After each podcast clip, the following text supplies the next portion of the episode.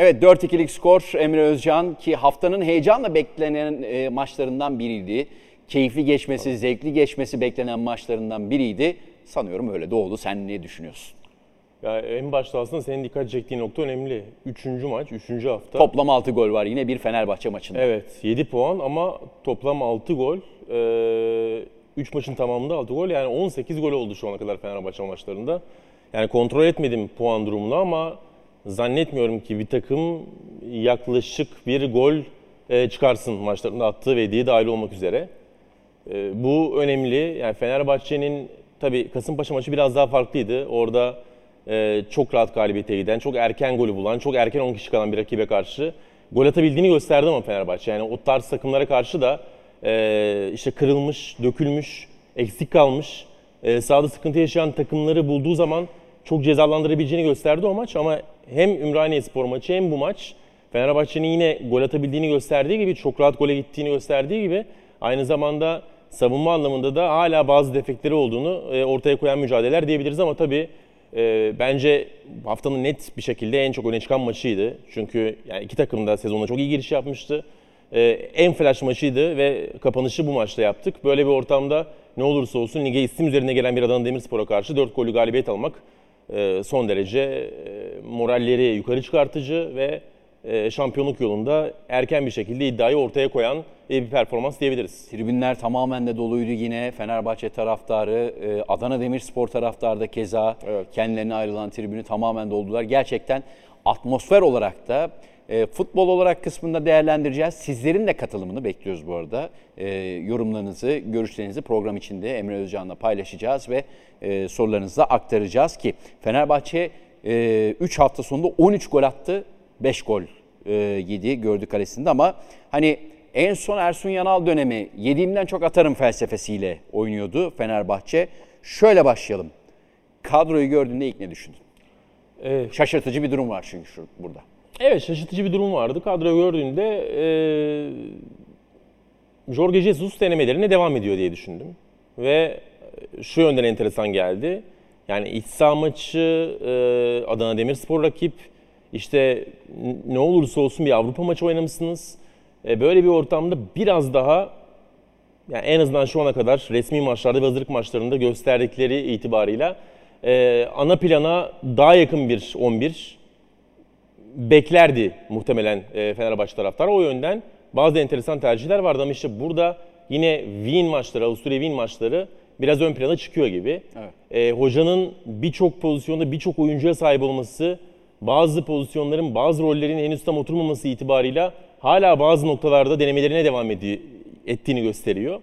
E, bu yönlerden cesur bir 11 ve yani e, bazı aksiliklere rağmen bazı ikinci yarıda e, iyi gitmeyen noktalara rağmen hem galibiyet hem oyunun büyük bölümünde e, iyi denebilecek bir performans. 4 gol.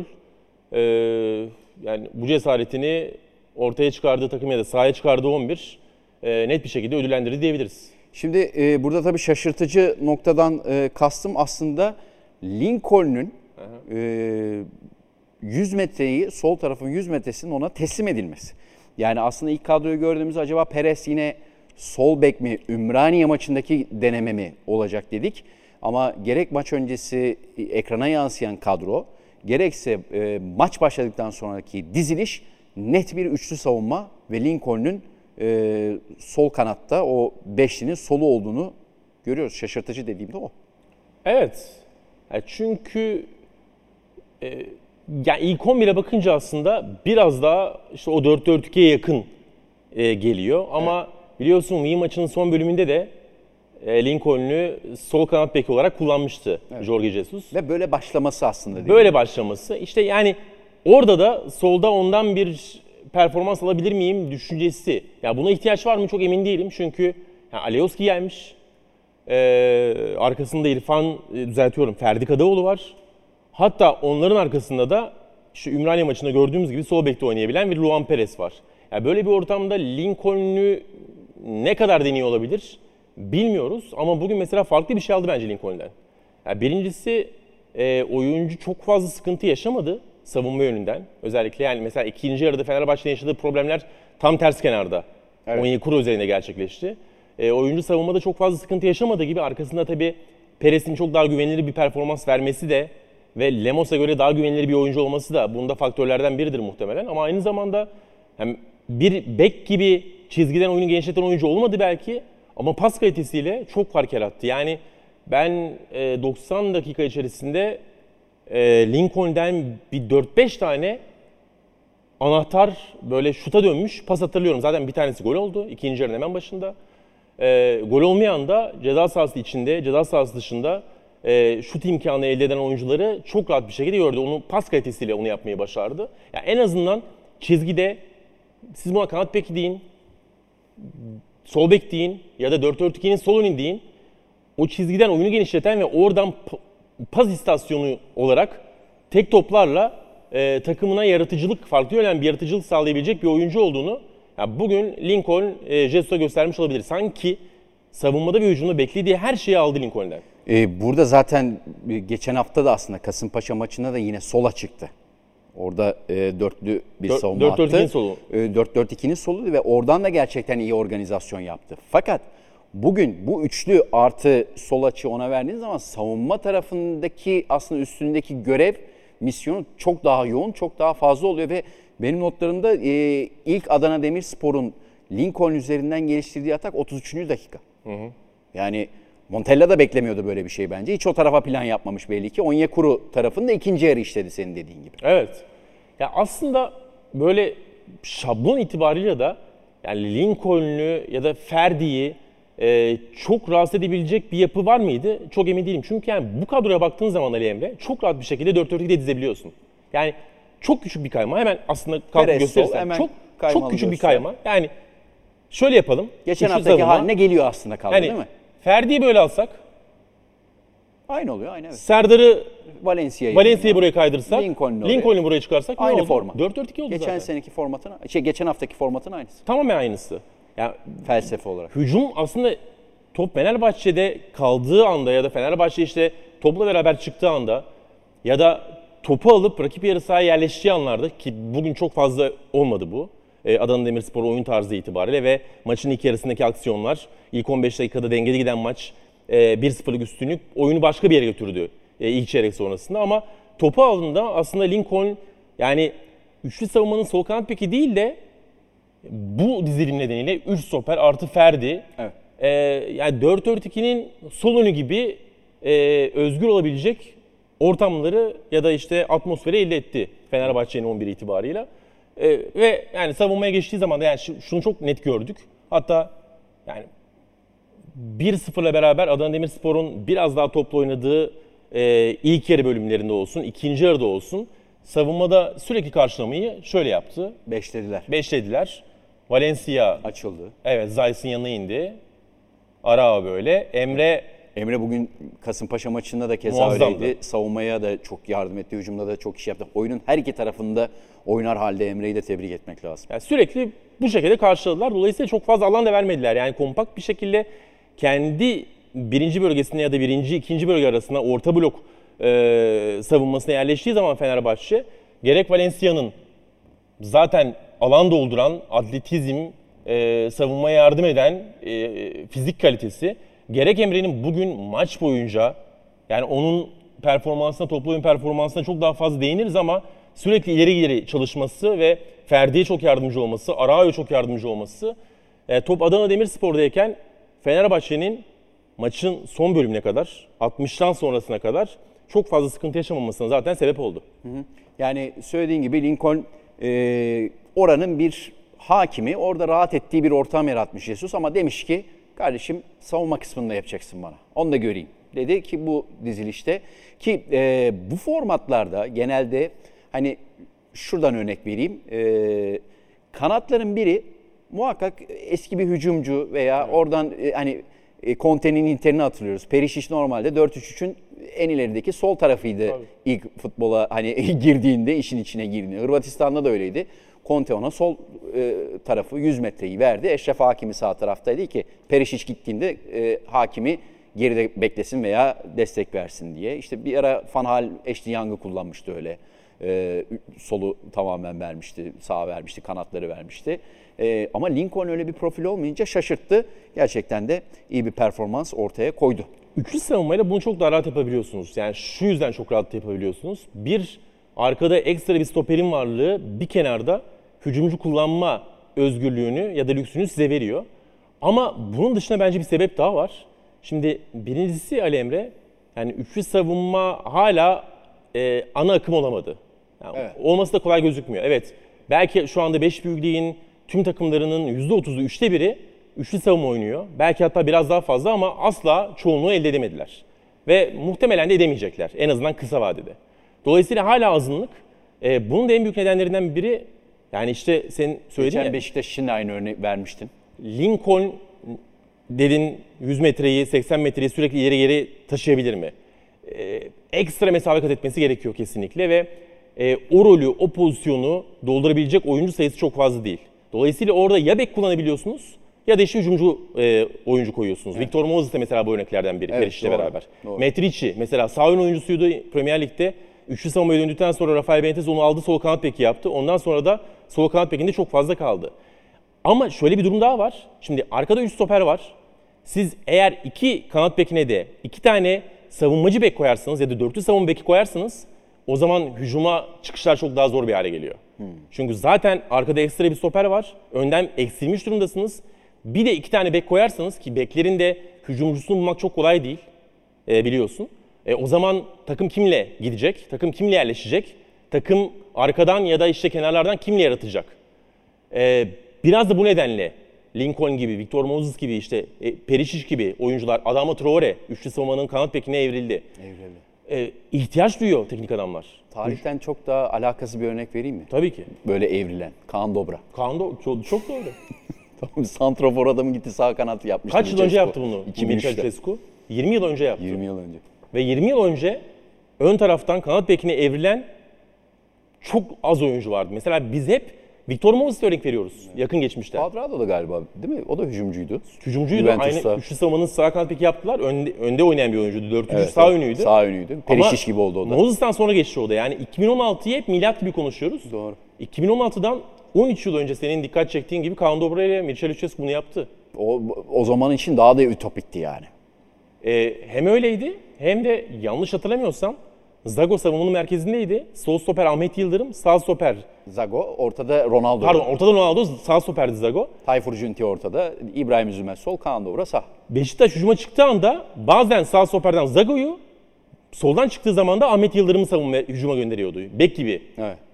Yani Yani nostaljikte hatırlatma yapmış olduk. Mesela e, çok deneysel ve gerçekten zamanın çok ilerisinde bir kadrodur o. Evet. Çok hak ettiği bir şampiyonluk almıştı zaten.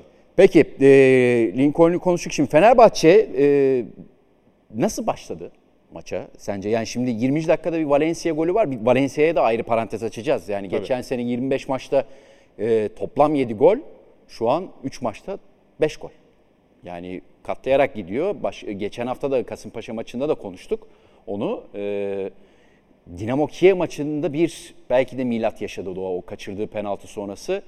E, psikolojik baskı e, aslında tam tersi e, etki yaptı. Pozitife döndü. Evet. Atladı, atlattı o şeyi yani travmayı. E, çok doğru. Yani maç nasıl başladı?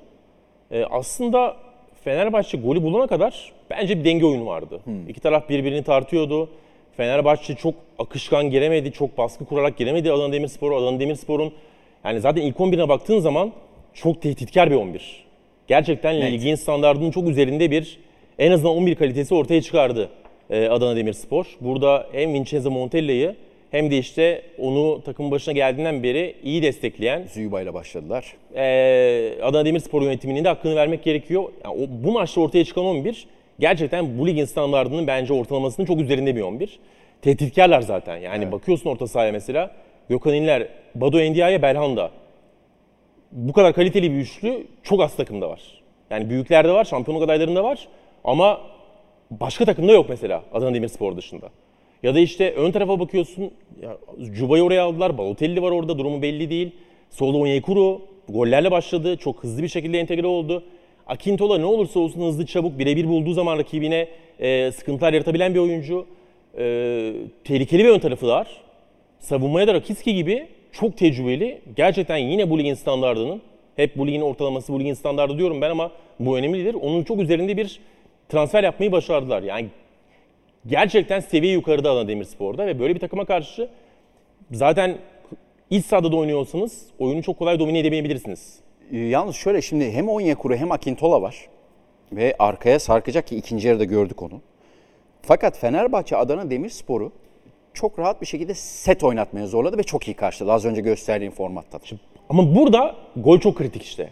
Çünkü ilk 15 dakikada git gel vardı. Yani Adana Demirspor oyun kuruyor, geliyor. Fenerbahçe kazandığı toplarla e, Adana Demirspor'un cesur başlangıcını böyle tehdit eden bazı hücumlar ortaya koyuyor. İlk 15 dakika, yani gol gelene kadar daha doğrusu öyle söyleyeyim. Karşılıklı iki takım da birbirini tarttı. İşte orada ama özel bir şey ortaya çıktı. Orada da Fenerbahçe'nin birçok takıma göre artısı, ya çok özel bir yetenek var Fenerbahçe'de. Son haftalarda da özellikle ligde net bir şekilde o seviye farkını ya da yetenek setinin ne kadar yukarıda olduğunu gösteriyor. Emre Mor bir anda sağdan bir şeyler yarattı. İçeri girdi, geçti, geçti, geçti, durdu.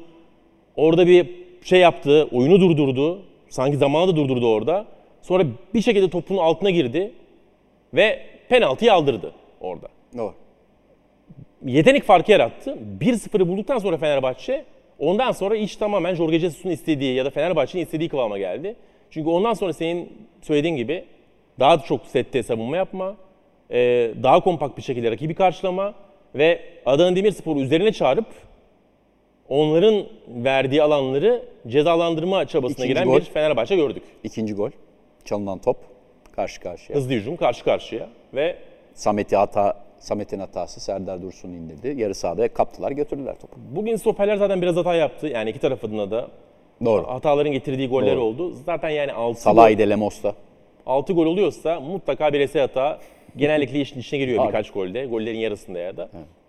Ama çok güzel bir goldü. Yani orada da Valencia'nın ne kadar özel bir sprinter, ne kadar özel bir e, atletizm olduğunu bir kez daha gördük. E, farklı şeyler gösteriyor Valencia. Yani bugün maçın net yıldızı diyemiyorum. Çünkü oyundan çıkana kadar topu her aldığında fark yaratan Adana Demirspor hücumdayken de yani sürekli ileri geri çalışıp tükenene kadar ki tükendikten sonra bence Jesus onu oyundan aldı. Ee, maçın net bir şekilde bütün oyuncuların önüne çıkan bir Emre Mor vardı. Ee, ama Valencia 5 gol mü 6 gol galiba 6 gol oldu ligde. Bakayım hemen sen. Ee, 2-2-2 gidiyor çünkü diye hatırlıyorum. 6-6. Altı Ha, gol. Pardon. Ee, buraya işlem burada 4 yazıyor ama şu an 2-4. Ümraniye maçı Pardon. 2. Kasımpaşa maçı 2. Bugün de 2. Altı. 6. Doğru. Yani 3 maç 6. ligin ilk 3 maçında e, duble yapmak özel bir şeydir. Evet. Doğru. yani zannediyorum Fenerbahçe taraftarının kafasında bir soru işareti ortaya çıkıyor olabilir. Ne için? Valencia'nın bu performansıyla birlikte. Şimdi- Ben şunu soracağım. Şimdi e, Valencia aslında gezici bir santrafor rolünde değil mi? Evet. Serdar Dursun ve Joshua King geçen Joshua King de aslında o da geziyordu ama e, Valencia biraz daha özgür diye tabir edebiliriz herhalde. Ya. Fakat Serdar Dursun çıktı. Valencia'yı en ucu aldı. Evet. 3-2 kısım yani ileriye bu sefer de Rossi'yi aldı oyuna. Yine bir Jesus hani o önde Emre Mor, Valencia, Rossi üçlüsü denemek istedi. Ama Valencia bu sefer de o özgürlüğünü yaşayamadı orada sanki. Ee, ya o değişiklik biraz oyun dinamikleri itibariyle Fenerbahçe'nin oyunu kaybettiği, Adana Demirspor'un arka arkaya etki yarattığı bir anda ortaya çıktı ve aslında e, o değişiklik Valencia'yı en uca atıp Valencia'dan yararlanmaktan ziyade tabii ki bunu da düşünmüştür. Yani rakip geliyor, rakip arkada alan veriyor. En uçtaki oyuncuyu Serdar Onyek- değil de Valencia zorluyor. yapmak tabii ki onu arkaya kaçırma düşüncesini beraberine getiriyor. Ama orada asıl mesele bence o değişiklikler sırasında e, merkezi kaybeden, dolayısıyla oyunu da biraz o yüzden kaybeden Fenerbahçe'de orayı yoğunlaştırmaktı. Çünkü hem Zayt hem Araujo oyundan çıkardı. Orayı İsmail aldı. İsmail aldı. e, Mert Hakan Mert aldı. Hakan'ı aldı. Ve kenarlardan birinde yani Serdar önde, Valencia kenardayken Valencia'yı en uca atıp bir kenarı da biraz daha orta saha karakterli, biraz daha top tutabilecek bir Rossi ile destekledi. Yani orada 3 oyuncuyu değiştirerek hem bir enerji yeni yenileme hem de aynı zamanda eee, ön tarafın teknik kalitesini arttırma düşüncesiyle beraber o şekilde Valencia öne çıktı. Ee,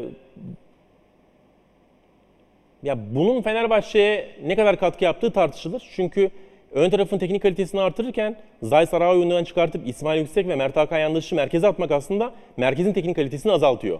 Orada efor ve enerjiyi yükseltmek istedi ama bunu yaparken e, teknik kaliteden, pas kalitesinden feragat etti bence Jorge Jesus. E, zaten o değişiklik sonrasında da Adana Demirspor'un arka arkaya atakları devam ediyordu. Tehdit etmeye devam ediyorlardı. Hatta değişikliklerden sonra galiba e, 3-2'yi buldu diye hatırlıyorum Adana Demirspor. Ama işte orada e, bir Rakiski'nin kontrolsüzlüğü, kırmızı kart. Kırmızı kartın Fişekti. hemen arkasından da e, duran toptan golün gelmesi, mükemmel bir vuruş yapması Aliyevski'nin. E, senin belirttiğin gibi fişin çekilmesine ve maçın bitmesine sebep oldu. Bir izleyici sorumuz varmış. Hemen görelim. Talha Kayhan. Fenerbahçe offside taktiğini ilk yarı çok iyi kullandı ama 3-0'ı bulduktan sonra daha güvenli bir oyuna dönemez miydi? Sanki ona dönmek için de aslında hamleler yapmaya çalıştı ama genel anlamda az önce de söylediğin gibi savunmayı beşlediler. Orta alan dörtlendi. Valencia'da yardım etti. Emre Mor da yardım etti. Aslında hani genel anlamda plan şeydi ta ki 3-2 olana kadar hafif bir telaş oldu sanki. Evet öyle. Yani güvenli bir oyuna dönemez miydi sorusu Fenerbahçe oyunu riske etmeye devam etti mi ya da oyunu force etmeye devam ettiği için mi skor 3-2'ye geldi? Ondan çok emin değilim. Yani sonuç olarak bu oyun biraz da rakiple oynanıyor. Bazen rakibin verdiği reaksiyonlar sizin yaptıklarınızdan bağımsız bir şekilde rakibin oyunun belirli periyotlarının daha iyi oynamasını sağlıyor. Rakip reaksiyon verdi diyorsun. Bence öyle çünkü Ve hata yaptı savunmada. e, Evet maçın başında yani birincisi çok enerjili bir oyun ortaya koydu Fenerbahçe. Özellikle erken golü bulduktan sonra Adana Demirspor'a karşı. Efor enerji yukarıdaydı. Bu biraz yorgunluğa sebep olmuş olabilir. İkincisi yani az önce bahsettiğim şey Adana Demirspor gerçekten kaliteli bir 11. Kaliteli bir takım. Ee, kaliteli takımlar zaman zaman oyunu domine edebilirler. Ve fe- yani risk almaya başladılar. Savunmayı çıkarmaya başladılar. Ee, dolayısıyla zaten hem pasla beraber çıkabilecek yani şimdi Gökhan İnler pas yapar, Belhanda pas yapar, Endia'ya belirli oranda pas yapar ama aynı zamanda Endia'ya ve Belhanda Onyekuru driplingle beraber top taşıyabilen oyuncular. Doğru. Ee, Keza Rodriguez mesela driplingle beraber çıkabilen bir oyuncu. Yani aslında Adana Demirspor hem topla mesafe kat edebilen hem de pasla çıkış yapabilen bir takım. Orada onların kaliteleri bence biraz ortaya çıktı ve e, oyunu kaybettikten sonra Fenerbahçe goller de arka arkaya gelince bir orada tutuldular. Yani 3-2'den sonra da Adana Demirspor 3-3'ü bulabilecek bazı fırsatları elde etti. İki tane net pozisyonları var. Bir Onyekuru karşı karşıya sol çaprazdan. Bir de Yusuf Sarı'nın ceza sahasında dışarıdan girip topun önünde kaldığı ve Altay'ın üzerine vurdu. Kötü bir şut çıkardığı bir pozisyon var. Ee, orada rakibin performansı bence belirleyici oldu. Ama genel itibarıyla e, gerek 4-2 sonrasında rakibin 10 kişi kalmasıyla beraber işi bitmesi, gerek ikinci yarının başındaki bölüme kadar yani 15-55 arasında, 15-60 arasında Fenerbahçe'nin çok yüksek standartta oynaması e, o yönden bazı sorunları tolere ediyor bana kalırsa. Ve yani ilk yarı ile ikinci yarı arasında Ali Emre yani şöyle bir fark var. İlk yarıda Fenerbahçe'nin uzun topları sürekli Solon'a doğru özellikle e, Valencia'ya doğru ya da Serdar'a doğru Serdar'ın indirdiği, Serdar'ın indiremediği ya da ikinci topları almasıyla beraber Fenerbahçe'nin hücum ürettiği uzun toplar e, domine ettiği ilk yarıyı Fenerbahçe adına. İkinci yarıdaki o 15-20 dakikada da ya da 25 dakikada Adana Demirspor sürekli Onyekuru'ya uzun vurdu. Doğru. Ve Ferdi ile Lemos'un arasına koşu atan Onyekuru orada çok fazla öne çıktı ve o bölümü de bireysel anlamda performansı yukarı çıkaran oyuncu olarak Hiç e, kanat değiştirmedi Onyekuru bugün. ihtiyaç Sağ- yoktu sağ zaten. Tarafa, hani Lincoln tarafından da bir hücum edeyim diye düşünmedi. Şimdi orada Jorge Jesus'la alakalı şöyle bir soru işareti belki konulabilir. Bu kadar atletizm yüksek, bu kadar sürekli bekle stoper arasında koşu atan ve pozisyon yaratan bir oyuncuya karşı elinde çok iyi bir geçiş savunmacısı var. Bright Osei Samuel. Onu Ben evet. çok erken bir şekilde oyuna atmasını bekledim onu. Çünkü hani hızıyla Onyekuru'ya cevap verebilecek bir oyuncuydu. Ferdi hiç ayak uyduramadı. Lemos hiç ayak uyduramadı. Yani attığı golde şey biliyorsun eee orta yani etki yarattığı golde Zalai'nin kötü karşıladığı pozisyon Lemos önüne geçmişti ama bir hamle hatası yaptı. Bir anda tekrar arkadan önüne geçti Onyekuru. Dokundu, Züba gol attı. Zuba golü attı. Ee, oralarda Ferdi'ye de Lemos'a da çok büyük üstünlük kurdu. Acaba Bright erken bir şekilde oyuna girse onun o hızını ya da etkinliğini e, pasifize edebilirler Edebilir miydi? miydi? Sanki olabilirdi gibi geliyor bana. Bir izleyici sorumuz daha varmış. Hemen bakalım. Ali Gül, Lemos hocamın Gustavo'sunu e, kesiyor. Üçlü oynandı. Gustavo da Lemos'ta sağ bek. O sayı olmadan oradan hızlı oyunculara pozisyon vermeye devam eder mi? Çözüm nedir? Gustavo Henrique'yi kastediyor değil mi? Evet evet Gustavo Henrique. Evet. Şimdi bir kere bugün Gustavo Henrique değil de Lemos olması çok mantıklı. Bence de. Yani hangisi daha hızlı? Lemos. Lemos. Rakibin sol önünde kim var? Onyekuru. Onyekuru var. Hızlı oyuncuyu tercih edersin. Yani daha kötü stoper olsa bile ki yani Lemos daha kötü stoper mi Gustavo'dan emin değilim. Yani, Eşit. yani ikisini de çok fazla göremedik. Yani Lemos'u bayağı gördük de e, o bile çok fazla yani çok büyük dakikalar almadı Fenerbahçe'de. Gustavo Henrique de çok az daha. O yüzden biraz zamana ihtiyacımız var ama daha hızlıyı da tercih edersiniz bu maçta. tabii tabii. Ee, Bence de mantıklı olan o. Ama işte ya Bright e, vurgusu önemli. Bence ben de az önce zaten onu belirttim. Böyle hızlı sol ön oyuncularına karşı Bright Osay Samuel bir mecburiyet gibi duruyor. Bu maçın ikinci yarısındaki o yarım saat bunun sağlaması olmuş olabilir. Peki. Ee, şimdi şöyle bir soru soracağım sana.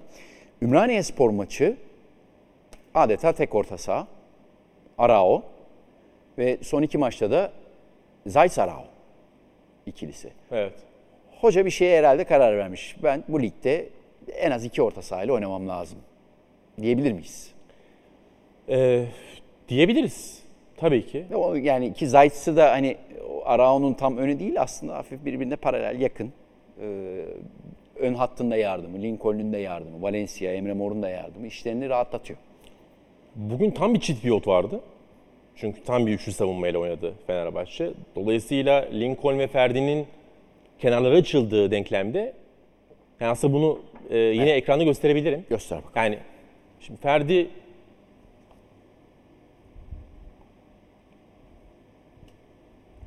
Ferdi çizgide. Üçlü savunma zaten böyle. Lincoln çizgide. Dolayısıyla bugün tam bir çift eee, pivot vardı. 3 4 3 3 2 5 kanat beklerin çıkmasıyla birlikte toplu oyunda. Ama biz normalde Fenerbahçe'yi nasıl diziyoruz? 4-4-2 az önceki gibi kaydırma. Valencia'yı Serdar Ay'ın yanına alalım. Lincoln'u çek. Lincoln önde. Geçen hafta öyleydi evet. Evet. Öyleydi. Emre burada. Hafif. Ve toplu oyunda ne oluyor? Ara savunma arasına giriyor.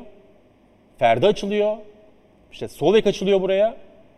Aslında burada tek kalıyor bir oyuncu. Yani bugün çift pivot vardı ama bu düzende dörtlü savunmada tek oyuncu kalıyor burada. Ama ne oluyor? Sol öndeki Lincoln ve sağ öndeki Emre yarım çizgi, yarım merkez gibi. Yani aslında iki tane yarım orta saha performansı alıyorsun. Yine ikili gibisin burada. Diğer denklemde direkt iki oyuncusun. Burada tek gibi gözüküyor Zayt ama Lincoln orta sahacılık yapıyor. Yapıyor. 4-4-2'de. Net. Emre Mor çok fazla orta sahacılık yapıyor. E, hatta bugün Emre Mor 3-4-3'ün önünde olmasına rağmen zaman zaman ilk yarıda özellikle o kadar özgürlük tanıyor ki e, oyuncuya Jorge Jesus. Sola gittiği yani ceza sahası önünde özellikle ya da şöyle göstereyim. Pozisyona girdi. Ha, burada kaldı. Burada üretmeye çalıştı, dribbling yapmaya çalıştı. Pas ya da yaratıcılık ortaya koymaya çalıştı. Pozisyonlar var. İki defa gördüm Emre'yi burada ilk yarıda. Evet evet. Ee, yani bir denge var. Dizilişlerden bağımsız. Dörtlü savunma gibi gözüküyorsunuz. Orada tek oyuncu gibisiniz ama ön, kenarlardan aldığınız yardımla yine merkezi yoğunlaştırmaya çalışıyor Jorge Jesus. Ama bugün başka bir şey vardı. Bugün direkt bir şekilde yani Ara önde kaldığı için ee, şöyle Perez burada direkt bir şekilde çift pivotla birlikte orayı daha net bir e, şekilde tutmak istediği diye düşünüyorum ben. Bunda da dediğim gibi yani burada maçın e, yayının başında belirttik ama yani kalite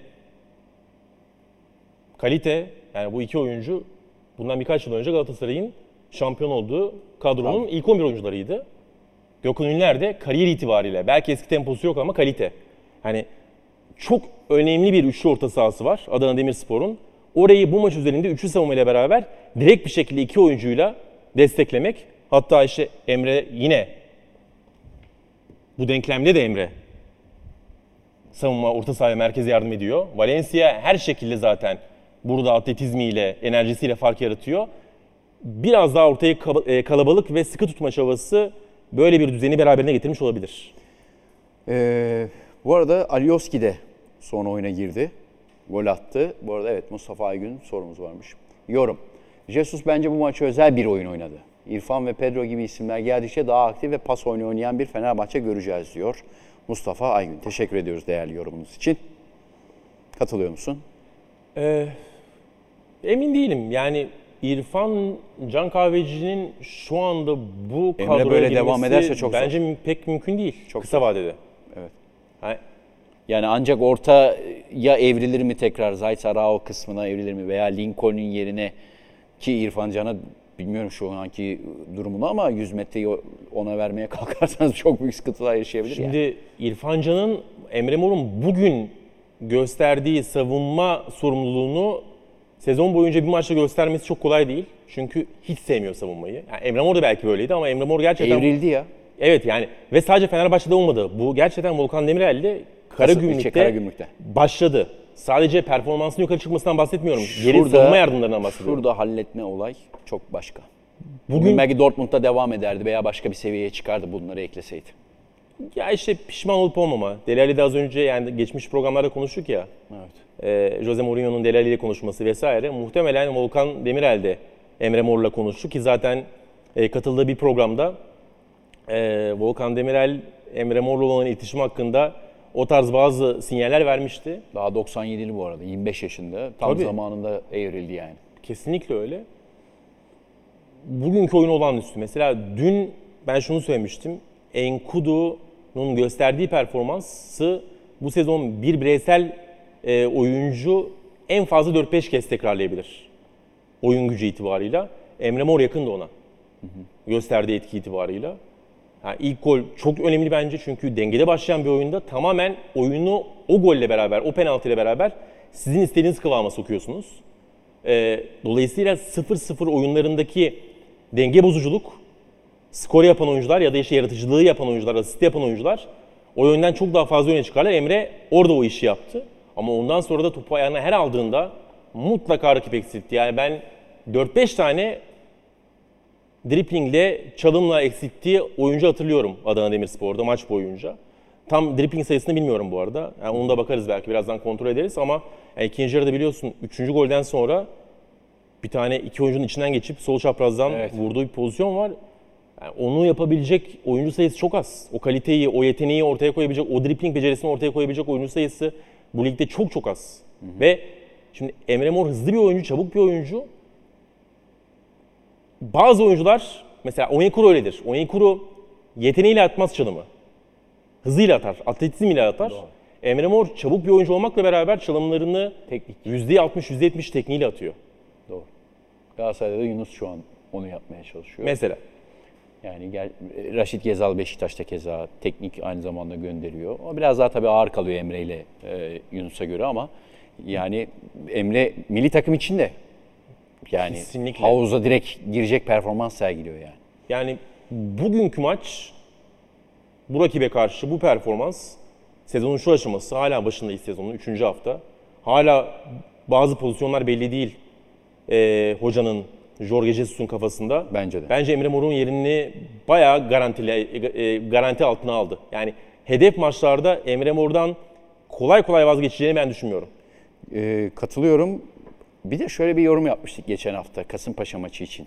Hem e, Ümraniye'yi de sayabilir miyiz tam zannetmiyorum ama Fenerbahçe tam böyle kapanan, tamamen kapanan, hani Giresunspor'un Galatasaray'a karşı yaptığı gibi derin savunma yapan bir e, takım bulmadı karşısında 3 haftadır. Burada mesela üstüne çekti diyebilir miyiz?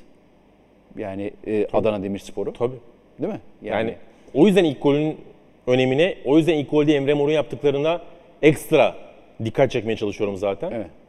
Oyun daha fazla 0-0 gitse daha farklı şeyler ortaya çıkabilirdi. Ve şu da Erken üstünlük böyle takımlara karşı çok önemli. şu da olmadı Fenerbahçe'de. Yani şimdi yani Galatasaray'da Okan Hoca diyor hava sıcak diye şey değiliz, formda değiliz.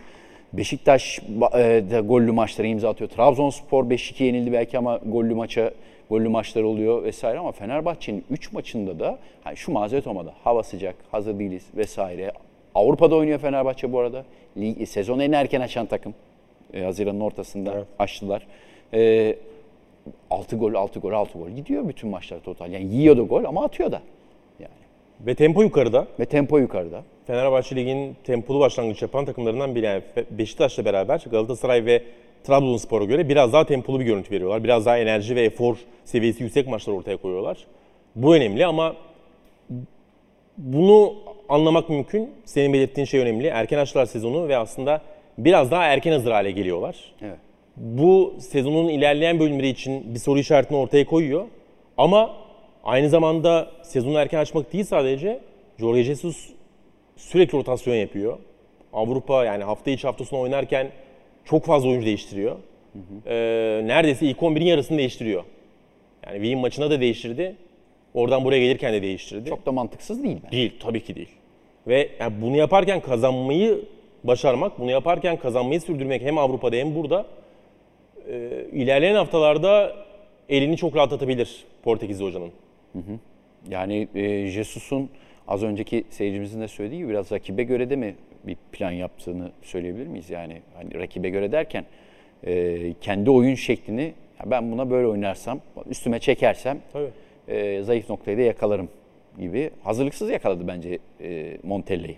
Montella biraz daha üstüne gelen bir Fenerbahçe belki bekliyordu. İşte Onyekuru, Akintola e, atarım arkaya diye düşünüyordu ama arkayı beşleyen, ortada dörtlü, e, geldi mi tam gelen bekleyen bir Fenerbahçe var yani. Şimdi rakip çok doğru. Ee, Üçlü savunmayı aslında o yüzden Adana Demirspor üzerinden de okumak gerekebilir. Yani e, normalde dörtte oynayan takımlar üçlü savunmaya dair maç planlarını genellikle yani dünya futbolunun genelinde işte İtalya Serie A'da, Bundesliga'da, Premier Lig'de hakim oyun oynayan takımlara karşı ortaya çıkartıyorlar. Çünkü çok kaliteli elit pas takımları beşli hücum hatlarını ortaya çıkardığı için o beşli hücum hatlarıyla dörtlü savunmalara karşı üstünlük ortaya çıkartıyorlar ve o birebir eşleşmeleri yapmak için beşlileri beşliyle kar- karşılamak bir gereklilik haline geliyor. Ama Adana Demirspor böyle bir takım olmadığı halde bugünkü ekstra bir stoperin, savunmada ekstra bir stoperin çünkü normalde 4-4-2 oynarken dörtlü karşılıyor Fenerbahçe. Ara ne zaman stoperlerin arasına giriyor. Top Fenerbahçe geçtiği zaman giriyor Hücumdayken. doğru. sürekli bek stoper arası koşu Onyekuru'dan, sürekli bek stoper arası koşu Akintola'dan, sürekli bek arkası koşular bu iki oyunculardan, e, bu iki oyuncudan. E, ekstra bir stoperle beraber o hattı sağlamlaştırmak, o arkaya geçişlere karşı hatları sıkılaştırmak mantıksız değil. Evet. Dolayısıyla aslında bunu bir 50-60 dakika boyunca iyi yaptı Fenerbahçe. Ama bir noktadan sonra yine Lemos Ferdi arasından işte Onyekuru etki yarattı. Çünkü yani zaten doğal bir şekilde yani atletizmi, çabukluğu, hızı Lemos'tan da Ferdi'den de çok yukarıda. İyi uzun top gelirse Onyekuru da o koşuyu atabilecek fizik kaliteye sahipse ki sahip olduğunu görüyoruz. E, her takıma karşı etki yaratır. Elinde Dolayısıyla derin de bir kadro var şimdi. Tribünde oturanları da sayarsan yani her türlü rotasyon yapmaya ve saha içi te- e, taktikleri e, farklı şekilde uygulamaya müsait de bir e, kadrosu var. Jesus'un ki ne söylemiş maç sonunda bir ekrana yansıtalım. Onun üzerinden de konuşalım. Jorge Jesus, e, rakibimiz hem bireysel hem taktik anlamda iyi bir takım. Bugün güçlü ve güzel bir oyun sergilediğimizi düşünüyorum. İkinci yarıda rakibimiz kısa sürede iki gol buldu. O anlarda bireysel olarak iyi değildik. Bireysel hatalar var. Maçın geneline baktığımızda iyi bir performans gösterdik. 3 maçta 13 gol attık. Gelişerek devam etmeliyiz. Hakem hakkında da konuşmak istiyorum. Verdiği penaltılar ve kırmızı kart çok doğruydu. İyi bir hakem yönetimi olduğunu düşünüyorum. Futbolda transfer dönemi bitene kadar her şey olabilir. Önemli olan kulüp için iyi şartların oluşması gelen de giden de olabilir diyor Jorge Jesus. Ee, yani anormal değil. Hakem evet ama hakem mi bugün çok iyi yönetti yoksa e, var yönetimi mi hakemi kurtardı? Yani kırmızı kartta mesela Rakitic diye. öyle. Penaltıların birinde Öyle. öyle. Ee, Yani genel hakem yönetimi tabii ki iyiydi diyelim. Çünkü artık yani var da bu işin içerisinde. Ama oradan da çok ciddi yardım aldığını kabul etmek lazım. Onun e, hocanın. var. Asist etmek için var. Tabii. var o yüzden var. Ya işleri kolaylaşıyor. Yani ben üzerlerindeki baskıyı çok aldığını düşünüyorum varın. Normalde yani e, maçlardan çıkıp eve gittikleri yollarda mesela Michael Oliver'ın bir röportajı var bundan bir yıl önce İngiltere basına verdiği. E, artık kafamız çok daha rahat diyor. Eve çok daha rahat gidiyoruz. Çünkü ikinci bir şansımız var. Yaptığımız hatalardan sonra o ikinci şans varla beraber e, kontrol edip kararımızı düzeltme şansını elde ediyoruz. E, bu bizim kafamızı çok daha rahatlatıyor maçta. Maçlardan sonra da rahat bir şekilde eve gitmemizi sağlıyor. Eskiden psikolojik yönden o yolculukları daha kötü yapardık ve bu hem tüm haftamızı hem bir sonraki maç performansımızı etkilerdi diyor. Şimdi kafaların o yönden çok daha berraklaştığı, netleştiğini söylüyor Michael Oliver. Ee, Ben o yönden her ne kadar bizde çok tartışılsa da var ki İngiltere'de de böyle. Evet. Yani tartışmaları bitireceği söyleniyordu ama işte o çok küçük offside'lar, el kuralının sürekli değişmesi, Evet. ee, VAR'la beraber son dakikalarda değişen, yani bir taraftan bir tarafa giden maçlar tartışmaların kısa vadede artmasına sebep oldu. Ama oturdukça işler düzeldi. Bence bizde de yani başlangıca göre şu anda e, VAR'ın yardımının çok daha iyi olduğunu düşünüyorum ve uzun vadede oyunculara, hocalara yani hakemlere çok fazla yardımı olan bir e, ekstra diyelim. E, hayat evrimi geçiriyor. Yani bunun da futbol evrimi geçirdi. E, Bundan 20 yıl önceki futbol mantalitesiyle şu anki mantalite futbolcuların oynadığı oyunla şu anki bile farklı. 10 yıl öncesi bile farklı belki. E, hakem konusu da öyle. Yani ben hatırlıyorum e, gençliğimde, çocukluğumda 90'lı yıllarda mesela bir darbeler, bir e, ikili pozisyonlar oluyordu. Şimdi en ufak e, şeyde dokunmada yerde olan futbolcu hemen faul çalınıyor, kart gösteriliyor, bir şey oluyor. E, hayat evrimi geçiriyor. Var da e, evrim geçirdi bence.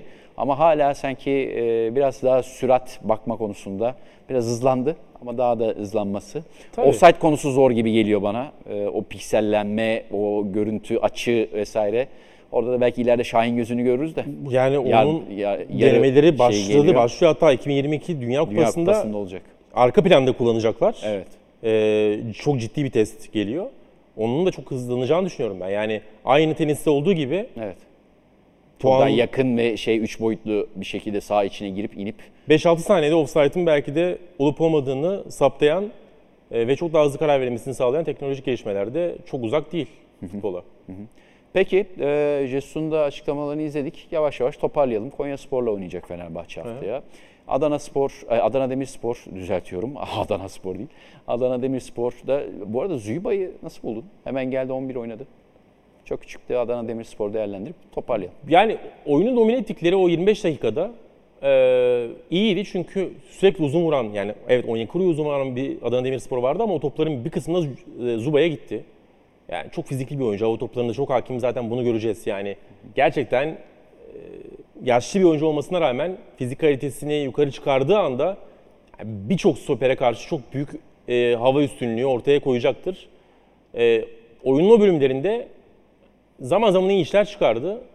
Ama yani maçın genelinde ne kadar etkili oldu sorusuna Biraz daha süresi var. net şeyler söylemek kolay değil. Yani biraz hoca acele etmiş olabilir. Ama yani kenarda Aston Balonga dışında bir oyuncu var mıydı? Aston Balonga oyuna erken girse o sürekli savunma arkasına koşularla geçtikleri denklemde çünkü yani Zubo onu yapamaz ama Aston Balonga onu yapabilecek bir oyuncu. E, çünkü Akintola da oyundan çıkmıştı ikinci yarının başında. Yusuf Sarı oyuna girdikten sonra Yusuf Sarı çizgide sürekli oyunu genişleten oyuncuydu. Yani orada Lincoln'lu Perez'i meşgul eden oyuncuydu. Alanları açtı Yusuf Sarı. Ama Onyekuru'nun yanına ikinci bir koşucu belki o periyodu daha efektif oynamasını sağlayabilirdi Adana Demirspor'un. E, öyle bir ekleme yapmak da gerekebilir. Peki Recep'e sorayım hemen var mı beklediğimiz bir şey yoksa pek noktalıyoruz o zaman Emre ağzına sağlık. Senin de Süper Futbol noktalıyoruz değerli izleyenler. Gelecek hafta tekrar görüşmek dileğiyle. Hoşçakalın.